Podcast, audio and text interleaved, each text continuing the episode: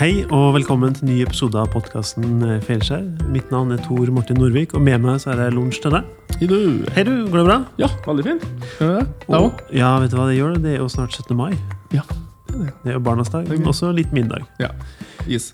Is. Vi har med oss eh, lydtekniker Snorre Busch, som står bak og styrer eh, teknikken. Så han sørger for at vi har god lyd, Ja. og det er vi veldig takknemlige for. Mm. Men du, eh, denne podkasten Feilskjær, mm. hva, hva handler det om? Oi. Da spør du meg om hva det handler Ja, om. nå spør jeg deg. Vi burde ha spurt folk hva det egentlig handler om. Ja. Nei, det handler jo om at vi, eh, som, som jeg har sagt noen ganger før òg, men det at vi internt i Uredd starta jo der. At vi i Uredd ville gjerne definere litt om hva vi ja, Det vi skulle bli litt flinkere til å feire at vi ikke gjorde alt sammen helt perfekt alltid. da. Og at vi må ta fram det her, og skammen over å feile. på en måte, Vi må få det ut og prate om det. Og, se at, og ta lærdom av ikke minst. da. Og så har jo dette dyret her på en måte beveget seg litt i, og, i dialog med alle folkene rundt som har hørt på, og sånn som sier at altså, den viktigheten av den lettelsen og viktigheten av å få prata om dette her. Så det handler, for meg så handler det om det å tørre å ø, ikke ha som mål å feile på ting, men det å avmystifisere feiling. Og kanskje det viktigste er at feiling og testing og prøving er faktisk en stor del av utvikling. Ja. Det var korte, mitt korte svar. Jo, men vet du hva, jeg syns det var en god oppsummering. Det er sånn egenterapi egentlig for oss der. Ja, ja, det. Kan vi høre på de andre hva de har gjort for noe feil, så ikke våre feil blir så, så vonde å bære. Ikke sant? Men du, vi har med oss en eh, gjest i dag, og det er Dagfinn Døhl Dybvig. Og han, har, eller han er en norsk eh, filosof som har annet skrevet 'Det tenkende mennesket'. Og jeg har googla meg frem til å lese at når han var ung, så var han faktisk veldig interessert i bøker og datamaskiner. og så var veldig glad i språk. Så da tror jeg det var helt naturlig at han lærte seg koding. Og hvis vi da hopper liksom 30-40-50 år frem i tid, så har han jo nå blitt innovasjonsleder i NTNU. Og det har jeg skjønt at det passer den bra, fordi at han er jo like glad i det akademiske som han er i det å være innovativ, altså innovasjon. Spennende. Eh, og vi har jo sagt at eh, det er ingen innovasjon uten fuckups. Mhm. Hva tror du da? Tror du vi finner noe her? Ja, jeg tror han kommer til å ha oh, Spennende at han har noe, den filosofibakgrunnen Ja. som gjør at han kan ha noe Håper at han har noe konkrete, egenerfarte ting, med noen fin prat og diskusjon om selve begrepet, metoden, metoden å feile. Yes, Skal vi bare sette i gang, da?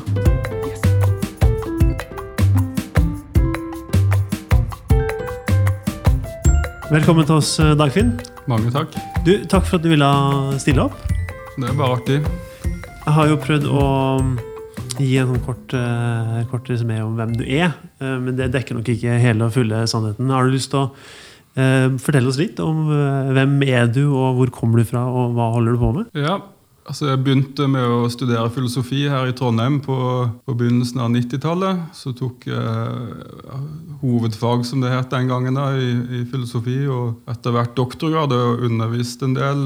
Holdt på med litt med forskning. Så skrev jeg et lærebok. Men etter hvert så flyttet jeg til Bodø. Så begynte jeg å jobbe på det som eh, het Nord universitet. Så da begynte jeg å jobbe på Handelshøyskolen der. Så jeg hadde aldri tenkt at jeg skulle jobbe på en handelshøyskole. Selv om jeg har mange interesser, så var det liksom ikke akkurat det jeg hadde sett for meg. Og heller ikke at jeg skulle bo i Nord-Norge. Så, så hun jeg var sammen med, hun flyttet jo opp der hun også begynte å jobbe der. Og så fikk vi første barnet vårt der. Og så, når det andre barnet var på vei, så flyttet vi ned igjen. Men ikke til Trondheim, men til uh, Håvind i Gauldalen.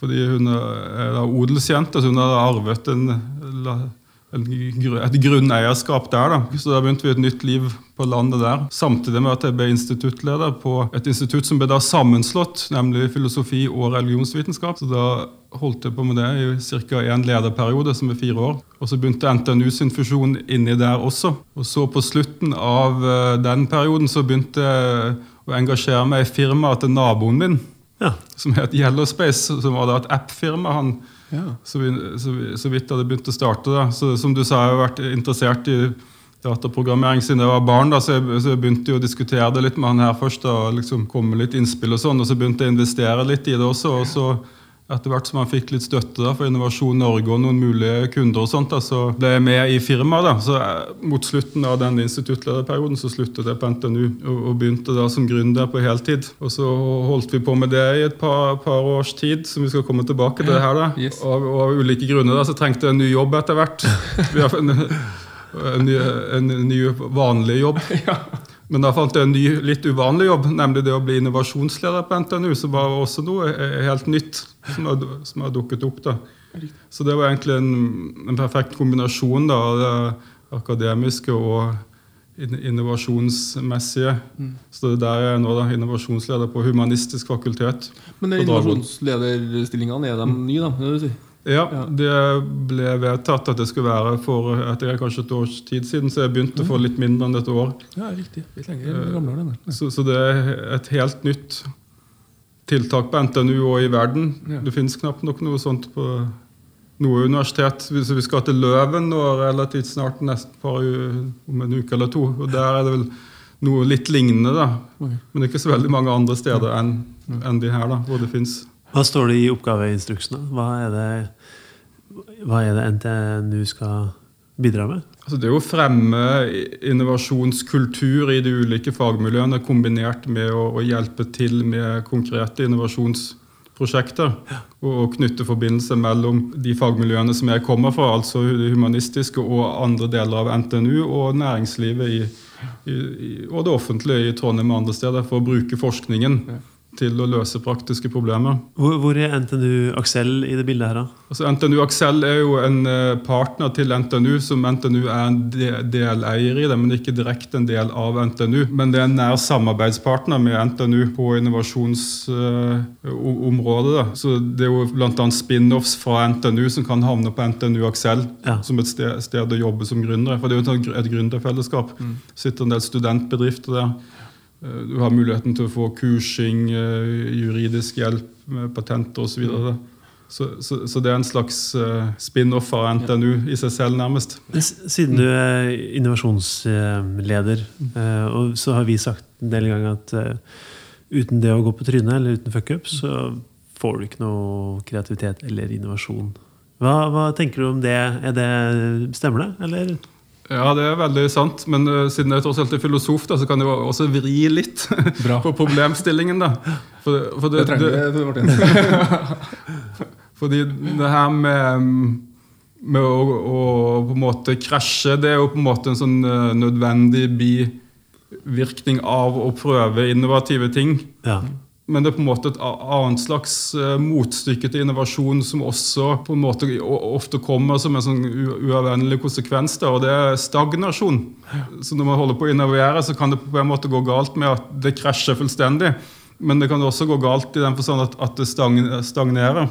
At det, at det renner litt, sånn litt ut i, ut i sanden. Da. Og kanskje det er vel, vel så vanlig. da. Ja. Så, det så det er kanskje to ting man må tåle da, hvis man holder på med innovasjon. Det ene er at ting krasjer. Og det andre ting er at, at ting stagnerer, og at man må ta grep. Identifisere hva er grunnene og mm. Ja, og på en måte av, avslutte eller begynne, begynne på nytt. da. Så, så det er kanskje de to litt sånn ubehagelige tingene som, som, som, som, følger med. da. Så Man må på en måte greie å reise seg igjen en- etter et krasj, men man må også greie å, å ta grep og avslutte og begynne på, nytt. da. Så Det er liksom de to tingene man på en måte må leve med hvis man vil ha innovasjon, men som ikke er, er så enkelt. da, og Begge deler kan jo være forbundet med litt sånn skam. Både det å krasje, men også det å begynne med noe nytt. liksom. ja. Ikke ideen som jeg hadde, ble ikke ja, mm. Men, men det krever kanskje litt sånn selverkjennelse. At det ble ikke helt sånn som man hadde tenkt, og så må man eh, på en måte kutte selv. Altså det, det tror jeg er litt sånn psykologisk vanskelig og samfunnsmessig vanskelig det å greie å stoppe noe som har stagnert. Ja. Your darlings, er noen som sier ganger. Ja, det, ja absolutt. Det har jeg hørt ganske mange. Ja. Killer Darlings. Mm, Må ikke gjøre det. Eller noe du, det er et prosjekt som du er veldig glad i, men uh, som på en måte ikke går noen sted. Og så må du selv ta, du må du selv, det, det dør ikke av seg selv, men du må selv ta livet av det. Og det kan jo være det vanskeligste. Ja, og da kan en kanskje mangle miste litt sånn ydmykhet noen ganger på innspill og markedsinnspill og ja, tilpasning av ideen noen ganger. Det er utfordringer ved at en blir så forelska i sin egen idé og sin eget, at en ikke hører engang på innspill fra andre rundt seg. Så, så, så det å tørre å starte er jo viktig for innovasjon, men det å vite når man skal stoppe, Ja. er også viktig. da. Tror du det er en viktig del av eh, innovasjonsarbeidet å være trygg? Jo tryggere det er på at en klarer å stoppe ting, betyr jo kanskje at en tør å prøve mer. Absolutt. Og, og også at man innser selv at selv om man må si stopp, så er ikke det nødvendigvis en katastrofe. Så eh, det er nok litt sånn beroligende tanke. Men som man kanskje ikke føler første gangen. når man gjør det, For da tenker man at det her er det eneste forsøket jeg har i livet. Ja. Og det må jeg holde på med til jeg dør. Ja, yes. Men hvordan, hvordan, eh, hvordan snakker dere om det her skammen på NTNU i forhold til innovasjon? Det å eh, stå i det, og det å faktisk tørre og ikke være så risikoavers. Har, har, det, har det liksom begynt å putte det inn i, i en eller annen pensum på en måte? At skal du innovere, så er jo sjansen stor for at uh, det er ikke alt som kommer til å, å komme frem. Absolutt. Det, det er jo på vei inn i, inn i undervisningen. Nå skal du starte et nytt emne på, på Dragvoll, som er et emne i innovasjon og entreprenørskap for de studiene på NTNU, NTNU som er litt sånn kreative.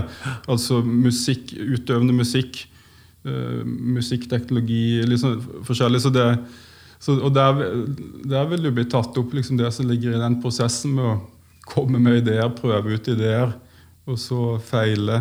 Så, så det er jo absolutt en tankegang man er i med, ferd med å ta inn over seg, men det tar litt tid. da, og Spesielt innenfor sånn tradisjonell akademisk tenkning så, så tenker man jo ofte litt sånn for evigheten. Ja. At uh, når jeg har begynt å, i det her fagfeltet, så skal jeg fortsette med det. Ikke bare til jeg blir pensjonist, men gjerne etterpå også, som såkalt professor emeritus. Så, så, det- så, det, så det å ta sånn veldig sånn kursendring er jo ikke, er jo ikke en del av den akademiske kulturen. Så det er derfor kanskje innovasjonskulturen og den akademiske kulturen i utgangspunktet ikke går så godt sammen. Altså Det å bare slenge seg på et eller annet, eh, det, det er liksom ikke akkurat en del av den akademiske kulturen. Alt skal på en måte si sikres å være veldig langsiktig. Så dere er liksom de kule kidsa i klassen der, da? Eller kule folka på campus? Her kommer innovasjonsfolka. Kul eller ukul, alt etter som man, hvem, hvem man spør, da. Men det representerer jo en annen, annen kultur, da. Hvordan jobber dere mot innovasjonsmiljøene, sånn som DIGS og miljøene rundt omkring? Og, støt- altså, Så jeg har jo kontakt med, med NTNU Akselmiljø. Jeg har jo sittet der litt selv med det Ja. selskapet jeg var med, og har ganske mye kontakt med WorkWork, Ja. noen i det miljøet. Og, og også Eggs Design. De Ja. har jo laget det her Bakke Ja. Designhus, Yes. som også er litt sånn samlingspunkt for folk som driver på med innovasjon generelt. Yep. Så jeg har absolutt kontakt med innovasjonsmiljøet i byen her. Da, og det, det er, et, det er et, bra, et bra og voksende Ja. miljø. Da. Men det miljøet har også liksom problemer med å forholde seg til universitetsmiljøet. Altså de, de to skal jo egentlig henge sammen, men, men det er et såpass to forskjellige kulturer at, at når jeg står med én fot i verden, så ser jeg at det er liksom psykologiske Så vi får, håpe, vi får håpe at vi ikke skal invitere deg hit igjen senere om fuckupen, innovasjonsleder og kulturkrasjen der. Stor splittelse. yes, ja. Ja, men det er spennende. Altså, for at det, er jo da, da, men du har arbeids, men at du er da på Eggs og på Diggs og WorkWork osv. Da har, det står arbeidsinstruksen din. det Vær på, sånne, vær på fest. Ja, være, være på i noen innovasjonsarenaer, både internt og eksternt. Så det er absolutt en, en del av jobben det å, å knytte forbindelser og, og representere. da. Hvem skal ha bruk for deg ut, hvis det er noen som hører her nå som ikke er på NTNU? og- Men hvem har bruk for å komme i kontakt med innovasjonslederne? Og hvordan gjør de det? Altså, Jeg er jo ansatt på Humanistisk fakultet, så, det, så, så hvis man uh, googler navnet mitt og innovasjonsleder eller uh, innovasjonsleder Humanistisk fakultet, så kommer man frem til min ansatte side og min, uh, min nett, nettside. Men vi er jo faktisk 14, sånn ca. 14 innovasjonsledere rundt omkring. Så det er jo litt avhengig av hva slags type miljø man vil komme i, kontakt med. Så hvis det er noen som sitter med en idé ut der og tenker tenker ah, kanskje det finnes noe funn i forskninga fra NTNU, er da du og dere, dine kollegaer, da rett døra inn til, mot NTNU? Absolutt. Da kan du helt klart sende en eh, Ja, for den rollen der på en måte Ja, kan være en sånn mottaksapparat for Ja. sånne, og dere skal sile og vurdere og så videre. Ja. Absolutt. Og vi kjenner jo hverandre, så det at hvis vi hører om en problemstilling som Ja. kanskje passer inn i noen av de andres fagområder, så kan vi absolutt koble eller samarbeide. Ja, for det er noe med hvordan rolle Hvordan skal, hvordan skal vi i omverdenen forholde oss til den stillingene der? Og, og dere som eh, altså, Det er titlene der. Og, hvordan, ja. Bra. Vi Spennende. kan, vi kan jo hoppe et par år tilbake i tid, til han eh, naboen din. Ja, Fordi du utvikla jo Yellow Space. Håvin, var ikke det? ja Håvin og Gauldalen. Yes. Og, og Yellow Space var jo da en app var det ikke det, som skulle Ja. gi eh, kunder tilbud fra butikker og bedrifter. At en, Og Tanken var at dette her skulle både være i real time, da, sånn at, at, kun, at bedriftene kunne legge ut tilbudene, tilbudene fortløpende. Sånn at hvis de, hvis de tilfeldigvis hadde mange ferdigbakte pizzaer Ja. Som du ville bli kvitt i løpet av dagen, så kunne du legge ut et tilbud på det. Og så skulle det til, i tillegg være sånn GPS-posisjonert, da, sånn at du fikk de tilbudene som var i din geografiske nærhet, da, enten gangavstand eller sykkelavstand eller bil, bi, bi, bi, bilavstand. hvilket år var det her, da? Nei, altså vi, vi begynte vel med det her for ca. Tre, år- tre år siden, kanskje. Kjenner jo til Yellow Space fra den tida det er litt, ja. Mm. at du, ja. Men at det er tre, tre år siden, sikkert. ja. Thomas holdt jo på en stund før det søkte penger fra Innovasjon Norge og for- forskjellig. Men det var vel omtrent da vi kom på NTNU Aksel. Ja, hvordan gikk, eh, gikk det? Det, det gikk eh, på, på en måte tålelig bra. Vi, vi, vi fikk jo lagd den appen der med de egenskapene jeg beskrev. da. Og, og vi bestemte oss bare for å sette i gang da, i god gründerstil. Så vi satte i gang på Håvind og i, i Melhus og Støren-området. Og begynte å, å jobbe for å få bedrifter inn i det her. Og, og få spre- spredd det ut til folk gjennom ulike eh, arrangementer videre, Ulike former for markedsføring. Og nå hadde du gått 100% inn som en gründer. Ja, så det var for så vidt et eksempel på å ta, ta grep og, og gjøre noen kursendringer. For da var jeg jo ferdig som i en periode, eller i hvert fall ikke på slutten av en periode som instituttleder. Så den typiske tingen man gjør da, er jo ofte at man tar en periode til Ja. som instituttleder. Men å nei, du.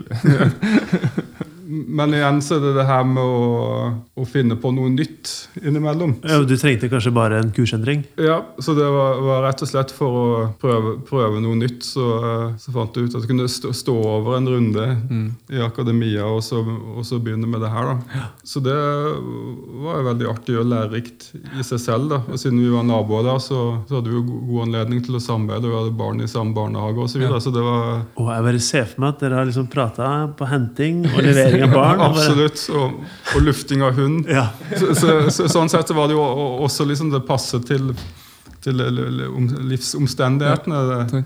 Det er gutsy, da, med småbarn og, og tatt over gård. og er en gutsy avgjørelse. Ja, så det, så det var jo en, en litt sånn kort løpebane der, da, som man sier i, en, i entreprenørskapssammenheng. da, At, at du har bare en viss mengde tid til å få ting til å lette. Mm.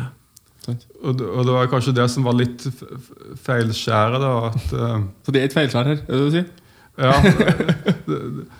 fordi uh, vi fikk det ikke til å lette helt, for, rett og slett fordi det var på en måte for kort løpebane. Riktig. Vi fikk en del folk til å laste ned appen, vi fikk en del tilbud inn i den osv.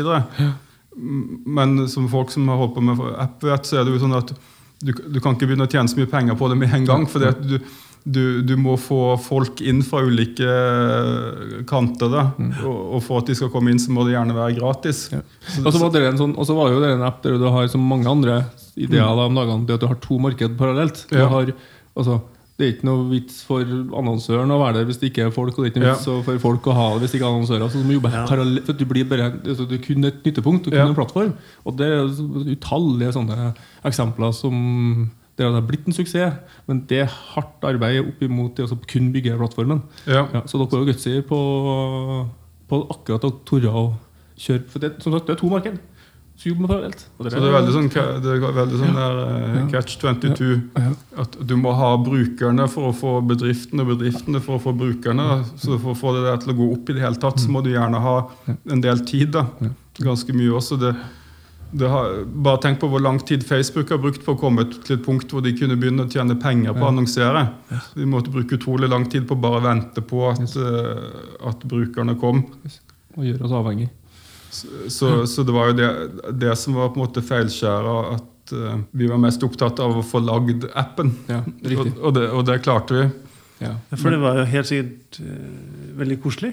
Det var jo du og naboen som drev og snekra sammen. Ja, sa, sammen, med, sammen med et firma da, så, eh, som, som, som hjalp oss. Så det, så det arbeidet gikk jo for, for, for så vidt bra. Men det, men det var det å ha muskler til å Men hva var det for, ja, da, da kjører dere en pilot på Hovin? Ja, og da hadde vi mye morsomt. Vi hadde til og med en egen maskot som het Yellow, så vi drev og opptrådte på sånn Ja, idrettsfestivaler osv. Så, videre. Så det var veldig mye hjemmesnekret gerilja-markedsføring. da. Yes, Gøy.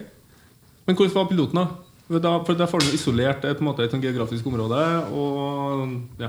Ja, Så det var Melhus og Støren etter hvert. da. ja.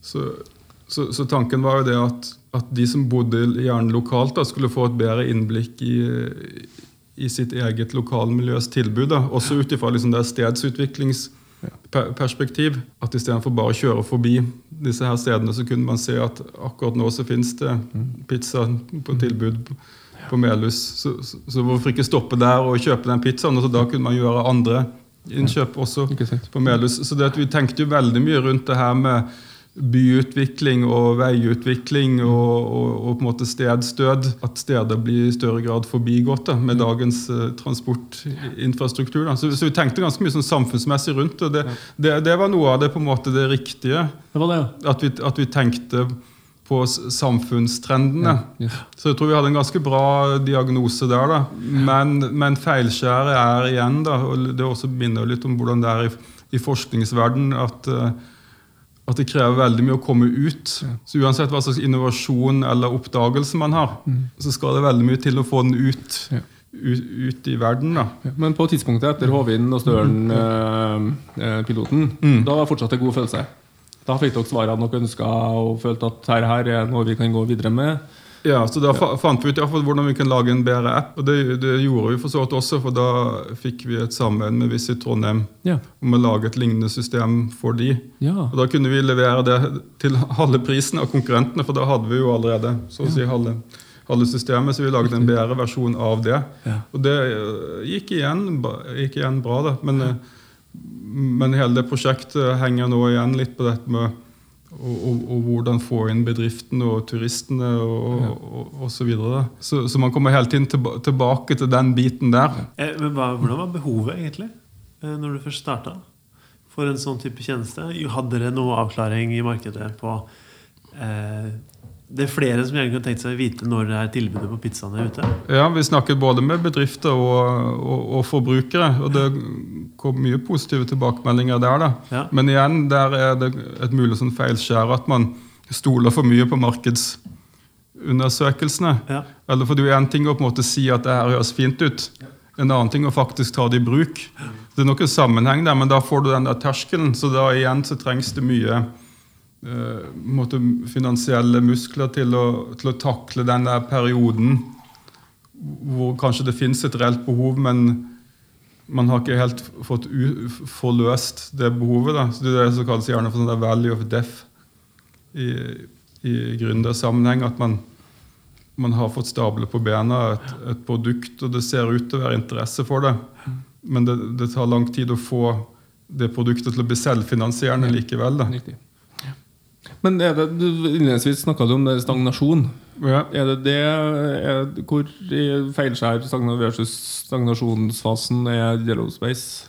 Hva dere? Altså, vi, det endte jo med å stagnere, da, for vi, vi fikk inn bedrifter vi fikk inn brukere, da, men så begynte det å flate ut etter hvert. Mm. Før det hadde blitt selvfinansierende. Ja.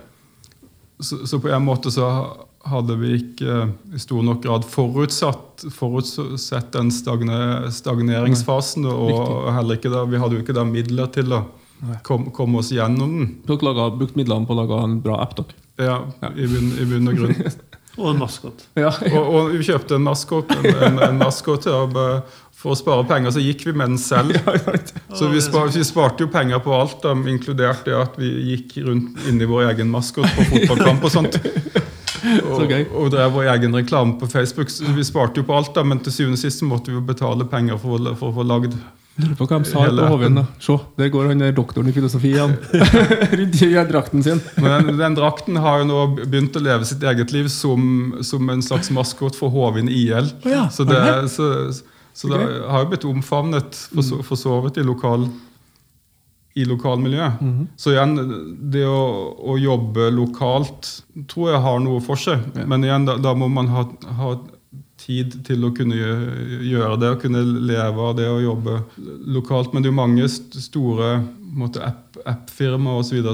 som sliter med den problemstillingen. Det er jo liksom hvordan, for, hvordan forankre en app-tjeneste lokalt. Bare, bare tenk deg her på Uber, ja. som prøv, har prøvd å liksom lansere seg selv i Norge. Mm og har, og har mislyktes der. Da, så mm. Det må de jo ha tapt masse penger på. Ja. Og de har hatt nok av problemer rundt omkring ja. i verden. Yes. Så der kan man jo snakke om uh, til dels stagnasjon og tilbakeslag. Mm. Men de har på en måte krefter nok bak seg til at de bare fortsetter likevel. Så, så, det er jo der på en måte feilskjæret ligger. og Ofte så, som gründer da, at, mm. uh, at man, man, starter og man får gjort noe. Mm. Men så er det på en måte så mange terskler og hindringer uh, underveis at til slutt så, så har man ikke ressurser til å ta alle underveis. Så, så i den grad man kan unngå det feilskjæret, så må det jo være det å gjøre mer forarbeid i en viss forstand. Da, sånn at man kan få med seg mer folk fra starten av. Ja. Men, først, men, din kompanjong, da, var det mm. første gangen han og gründa opp noe? Ja, han har så vidt vært med et annet oppstartsfirma, da, men da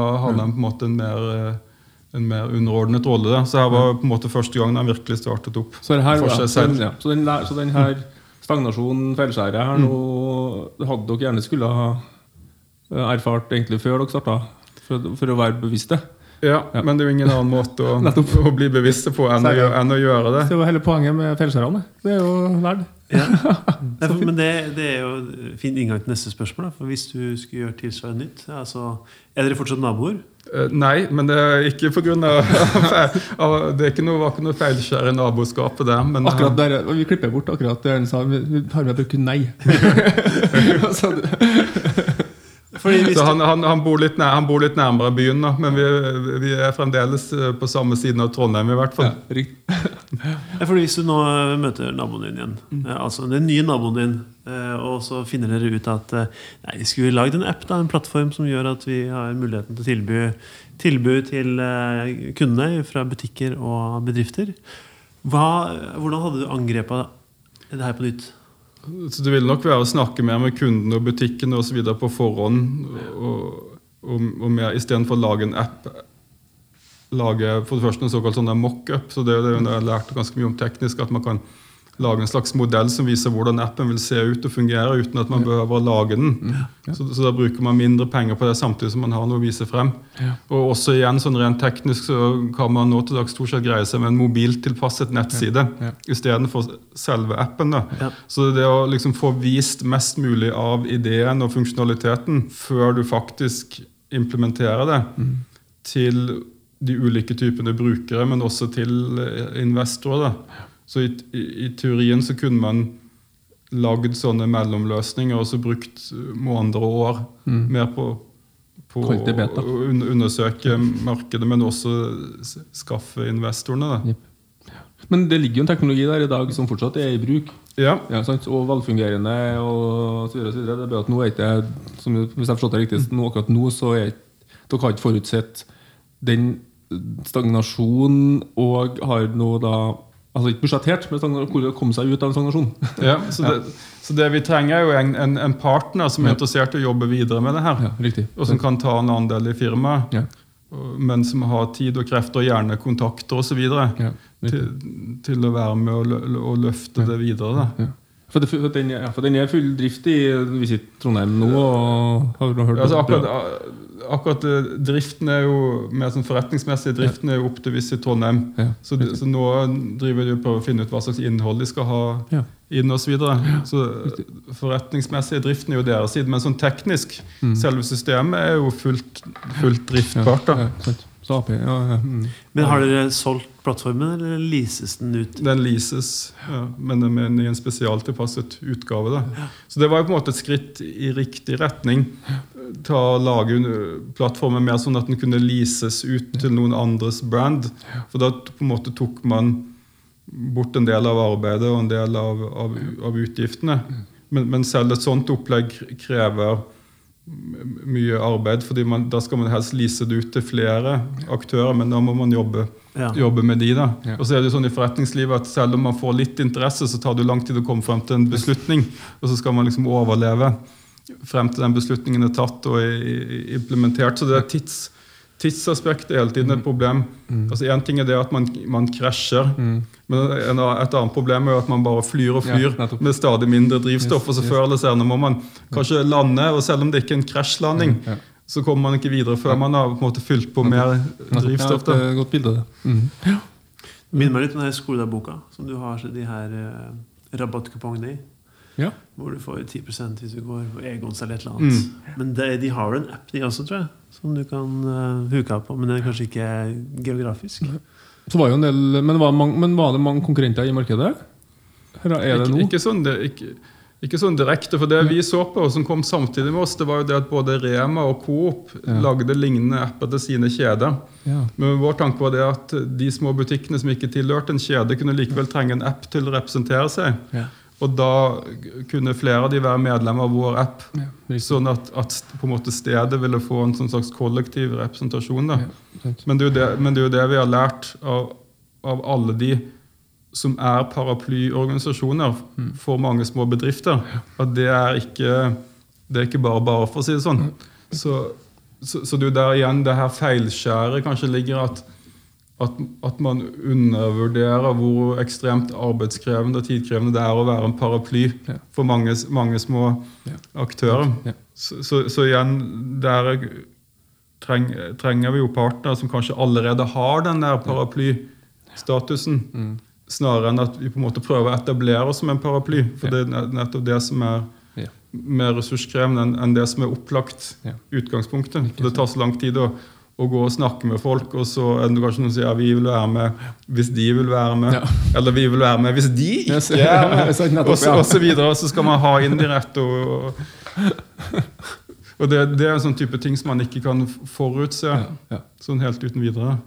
Men som man lærer det når man prøver. Ikke sant? Nettopp. Den har lært året nå. Så bra.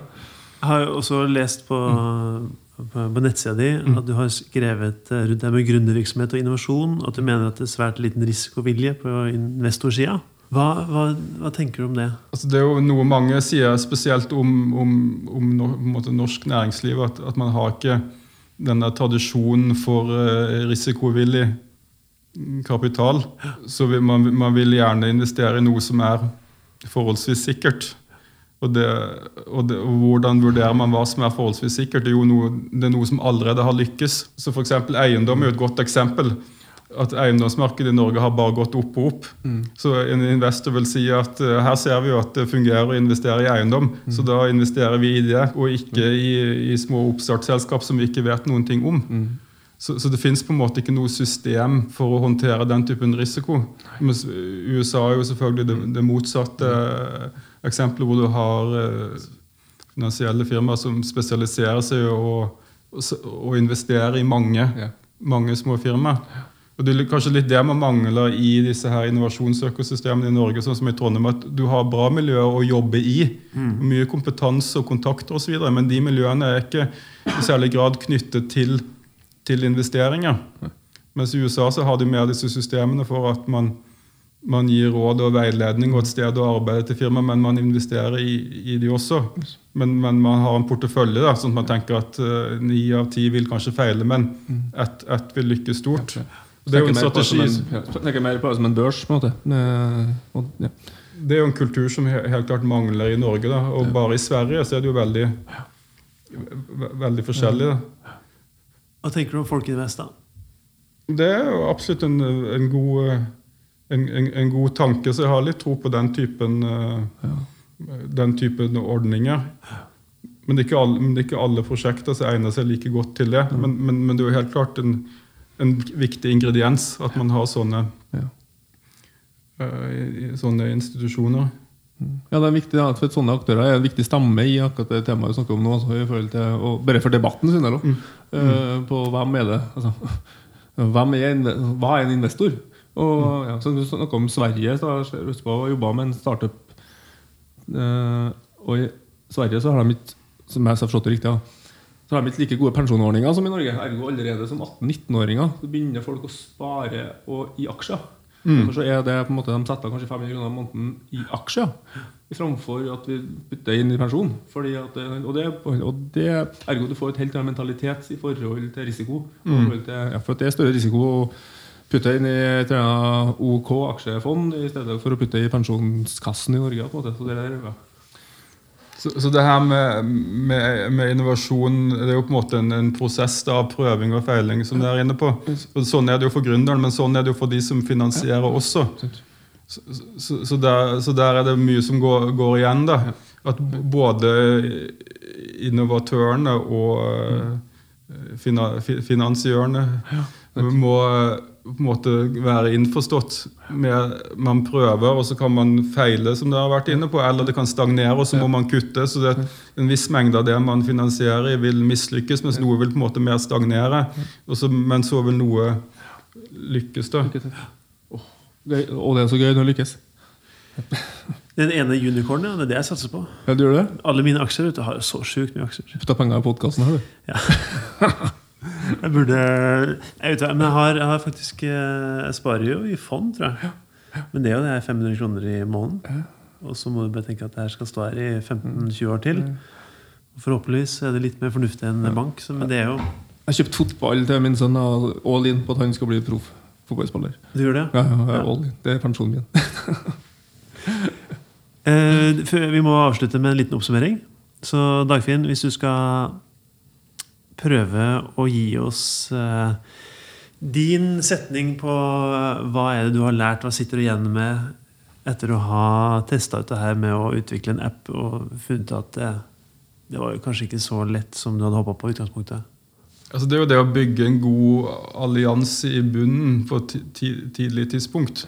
Før man begynner å realisere ting. Sånn at man ikke måte, bruker opp alle ressursene på å realisere de første stegene av ideen, men at man på en måte bygger opp nok ressurser og støtte i bunnen til at man kan måte, stå løpe ut i mange, i mange faser. Da, også med perioder av stagnasjon. Ja. Og det å bruke sånne mellomløsninger, sånne her mockups og Pilotere og teste og ja. mhm. ha, ha, ha sånne korte iterasjoner, som det heter. Altså det at man eh, ikke lage ett endelig produkt, men ta det i veldig mange små, små steg. Bra. Det her må jo være liksom musikk i dine ører, Lors, i forhold til det med designsprint. Ja, veldig. Og det- altså ja, vi er jo mange, men vi er jobber jo veldig mye med designsprinter. Og, og, og ja. Metodikkene der er jo nettopp det der feil fast. Så det er rett og slett bare lag mockuper, lag um, prototyping og teste i marked, få reelle tilbakemeldinger til hver tid. Ja. Ja, og det, det å eh, og så, så, Men så syns jeg det er interessant det med det, det med kill your darlings eh, og da oppi alt det her òg. At det er lett Kanskje noen ganger en blir redd for å lage mye gode allianser. og For at alliansene kan jo utfordre hovedideen din. Mm. Så kanskje det er jo en sånn at han trekker seg unna alliansene og en periode fordi at han er redd for at ikke alliansene skal forstå Ja. ideen. Og at den kan påvirke ideen i en retning som en egentlig ikke har tenkt. Mm. Og der er det da Der ligger mye i grunnmuren, tror jeg. Det å også tørre å gå inn tidlig med en idé og strategisk lage seg allianser som er med i, i produktutviklinga tidlig. Ja, altså Det er jakten på partnere, kan du si. ja. De rette, rette partnerne. Ja, ikke sant? Ja, for det er forebygging av en stagnasjon og en, eh, da et feilskjær. Eh, som, ja. Så jeg syns det var en sånn interessant lærdom her, her kjenner jeg. Ja, og så er det gøy at vi har innovasjonslederen for NTNU her. Ja. Det er jo spennende å se hva som kommer ut av den stillinga. Og bare det å For det å utfordre kanskje litt av det her akademiske perspektivet på herfra til evigheten, men nå skal vi faktisk ha en litt raskere prosesser. Vi være litt flinkere til å omstille oss. Prøve å løse et problem her og nå. Så det, det er noe der, ja. Midlertidighet er et fint eh, Det å ha midlertidige løsninger noen ganger er litt sånn betryggende. Ja, ja. Da har vi kommet til eh, ukas avskjedsgave, og det er jo her hvor vi spør hva er det som har gjort deg glad denne uka. Så jeg kan starte med deg, Dagfinn. Hva er det som har gjort livet litt bedre å leve de siste syv dagene? I denne uken har det faktisk vært to ting som har vært veldig bra med NTNU. og Det ene var at jeg var med på Ocean Week, Ja, som er en sånn stor konferanse om havet og problemer med havet og løsninger på problemene med havet. Det har vært veldig bra. arrangement. og Noe av det positive var at denne gangen så er det veldig mye miljøperspektiv. Så, så det virker som at eh, miljøproblemene med havet virkelig begynner å, å, å, å sige inn. Og veldig mange NTNU-er som hadde relevante ting å si om det, og også fra mine fagmiljøer. Altså på Dragvoll, historie, kultur, media, hadde en veldig sterk representasjon der. Så, så det syns jeg var et uh, veldig sånn, tydelig tegn på at NTNU engasjerer seg i aktuelle uh, problemstillinger på en veldig sånn, allsidig, mangfoldig, tverrfaglig måte, hvis du vil. Og så Den andre tingen jeg var med på rett etter det, det var at eh, Adresseavisen og Trondheim kommune og NTNU har et prosjekt som heter Adresseparken. Ja, det så jeg noe på om, ja. Mm. Som eh, ligger rett utenfor eh, Adresseavisen-bygningen her. da, Som ikke er så veldig synlig, men det, det er masse sånn sensorer som er bygd inn, inn der. så Parken har på en måte øyne og ører, og de kan kobles til ulike kunstinstallasjoner osv. der, og du, man kan avlese verdier på internett og koble det til uh, spill og apper og hva det måtte være. Så det er også et eksempel på et veldig originalt og allsidig engasjement fra NTNU sin side og aktører her i byen. Så det er veldig innovativt. Så jeg føler absolutt at, at det skjer ting. Ja, så fint. Ja, kjempekult. kjempekult. Enn du, Lorentz? Du, Så enkelt. Jeg vil anbefale en app. Ja. For den gjør meg Jeg kjenner at den ja, det er det her Jeg har tapt kampen mot YouTube. Og har en sønn på fire år. Og så har YouTube endelig gjort det. De har laga en, en, app som heter YouTube Kids. Mm. Og den bare har jeg fått liksom Flytta han ifra Nå er på en måte YouTube har blitt YouTube Kids-appen. Og da er jeg mye tryggere, kjenner jeg. Ja. Og der er mye bra innhold etter hvert. Det er en god algoritme på For det funker? Ja, det funker. Jeg har faktisk sett på den, jeg også, så jeg er enig i den. er veldig fin. Ja, jeg er faktisk det også, for at jeg har liksom sittet med denne redselen for at han skal komme over ting som han ikke Men den har, de har de fiksa det til slutt, Ja. Og det er jeg veldig glad for. Så den, og jeg har opplevd at når jeg forteller det til folk, at de vet ikke om den. Så først så sier jeg last den ned, for den er bra. Ja, har, jeg har lasta ned, men hun er fortsatt mer interessert i Netflix og NRK Super. Å, super, fint. Men uh, den ligger, ligger klar den dagen. Innhogg. Ja, så bra. Enn du? Du, vet du hva? Eh, Jeg har vært på, på kino med min eh, kollega Arild Bjørn. Og det var tre timer det, med sirkus og popkorn, og det var Avengers Endgame. Fy faen, altså. Det, der, det er, det er terningkast seks. Det er helt, helt sjukt. Tenk deg at du kan få Tenk deg at du begynner å bli rørt av Iron Man. Det er jo helt vilt.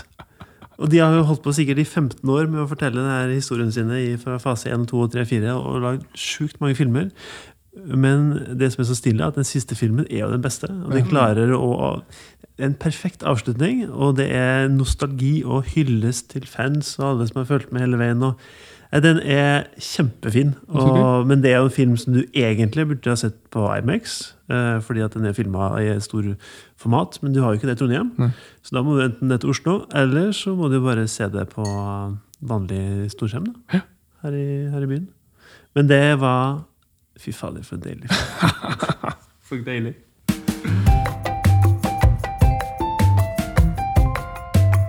Eh, takk til dere som har hørt på så lenge, og takk til deg, Dagfinn, for at du ville være her. Takk for at jeg fikk komme. Hvor er det vi kan eh, lese mer om det? Har du noen steder på nettet som vi kan eh, Så jeg har en Twitter-konto. Ja. Og når jeg da oppdaterer bloggen min etter hvert, så vil det bli kringkastet på Twitter. Ja. Eller så har jeg en nettside på, på NTNU som innovasjonsleder. Hva er nikket på Twitter, da? Det er vel Dagfinn Dybvig, rett og slett. Ja. Krøll alle fra Dagfinn Dybvig. Ja, men Da vet jo folk hvor de kan eh, finne deg. Neste gang så skal vi prate med Tim Rudi Weiteberg. Han er lederutvikler og rådgiver for Mind. Ja. Og han har en særinteresse for koblingen mellom mentale prosesser og prestasjoner. Og det tror jeg kan være litt kult, for vi snakker veldig mye om det her med å prestere. Ja, sant. Og det med å faktisk klare å levere på hva skal jeg si, riktig nivå innenfor det her nåløyet, og det å faktisk versere hvis du ikke klarer det. Og jeg tror han har jobba mye med utvikling av talenter og bare få folk til å kunne leve med de prestasjonene som de klarer, så det tror jeg blir bra. Det blir gøy. Og hvis du som hører på har en historie som du vil dele med oss, så ta kontakt med oss på feilskjær.uredd.no, og så kan vi få det ut frem i lyset. Trykk gjerne subscribe, så du får eh, automatisk lasta ned denne episoden. Og hvis du likte det du hørte på, så gi oss gjerne noen stjerner. Denne podkasten er produsert av Uredd og Lydsporet Media og kommer ut på mandager. Da sier vi takk for i dag, da. Ja, ha det! Ha det bra! Ha det bra.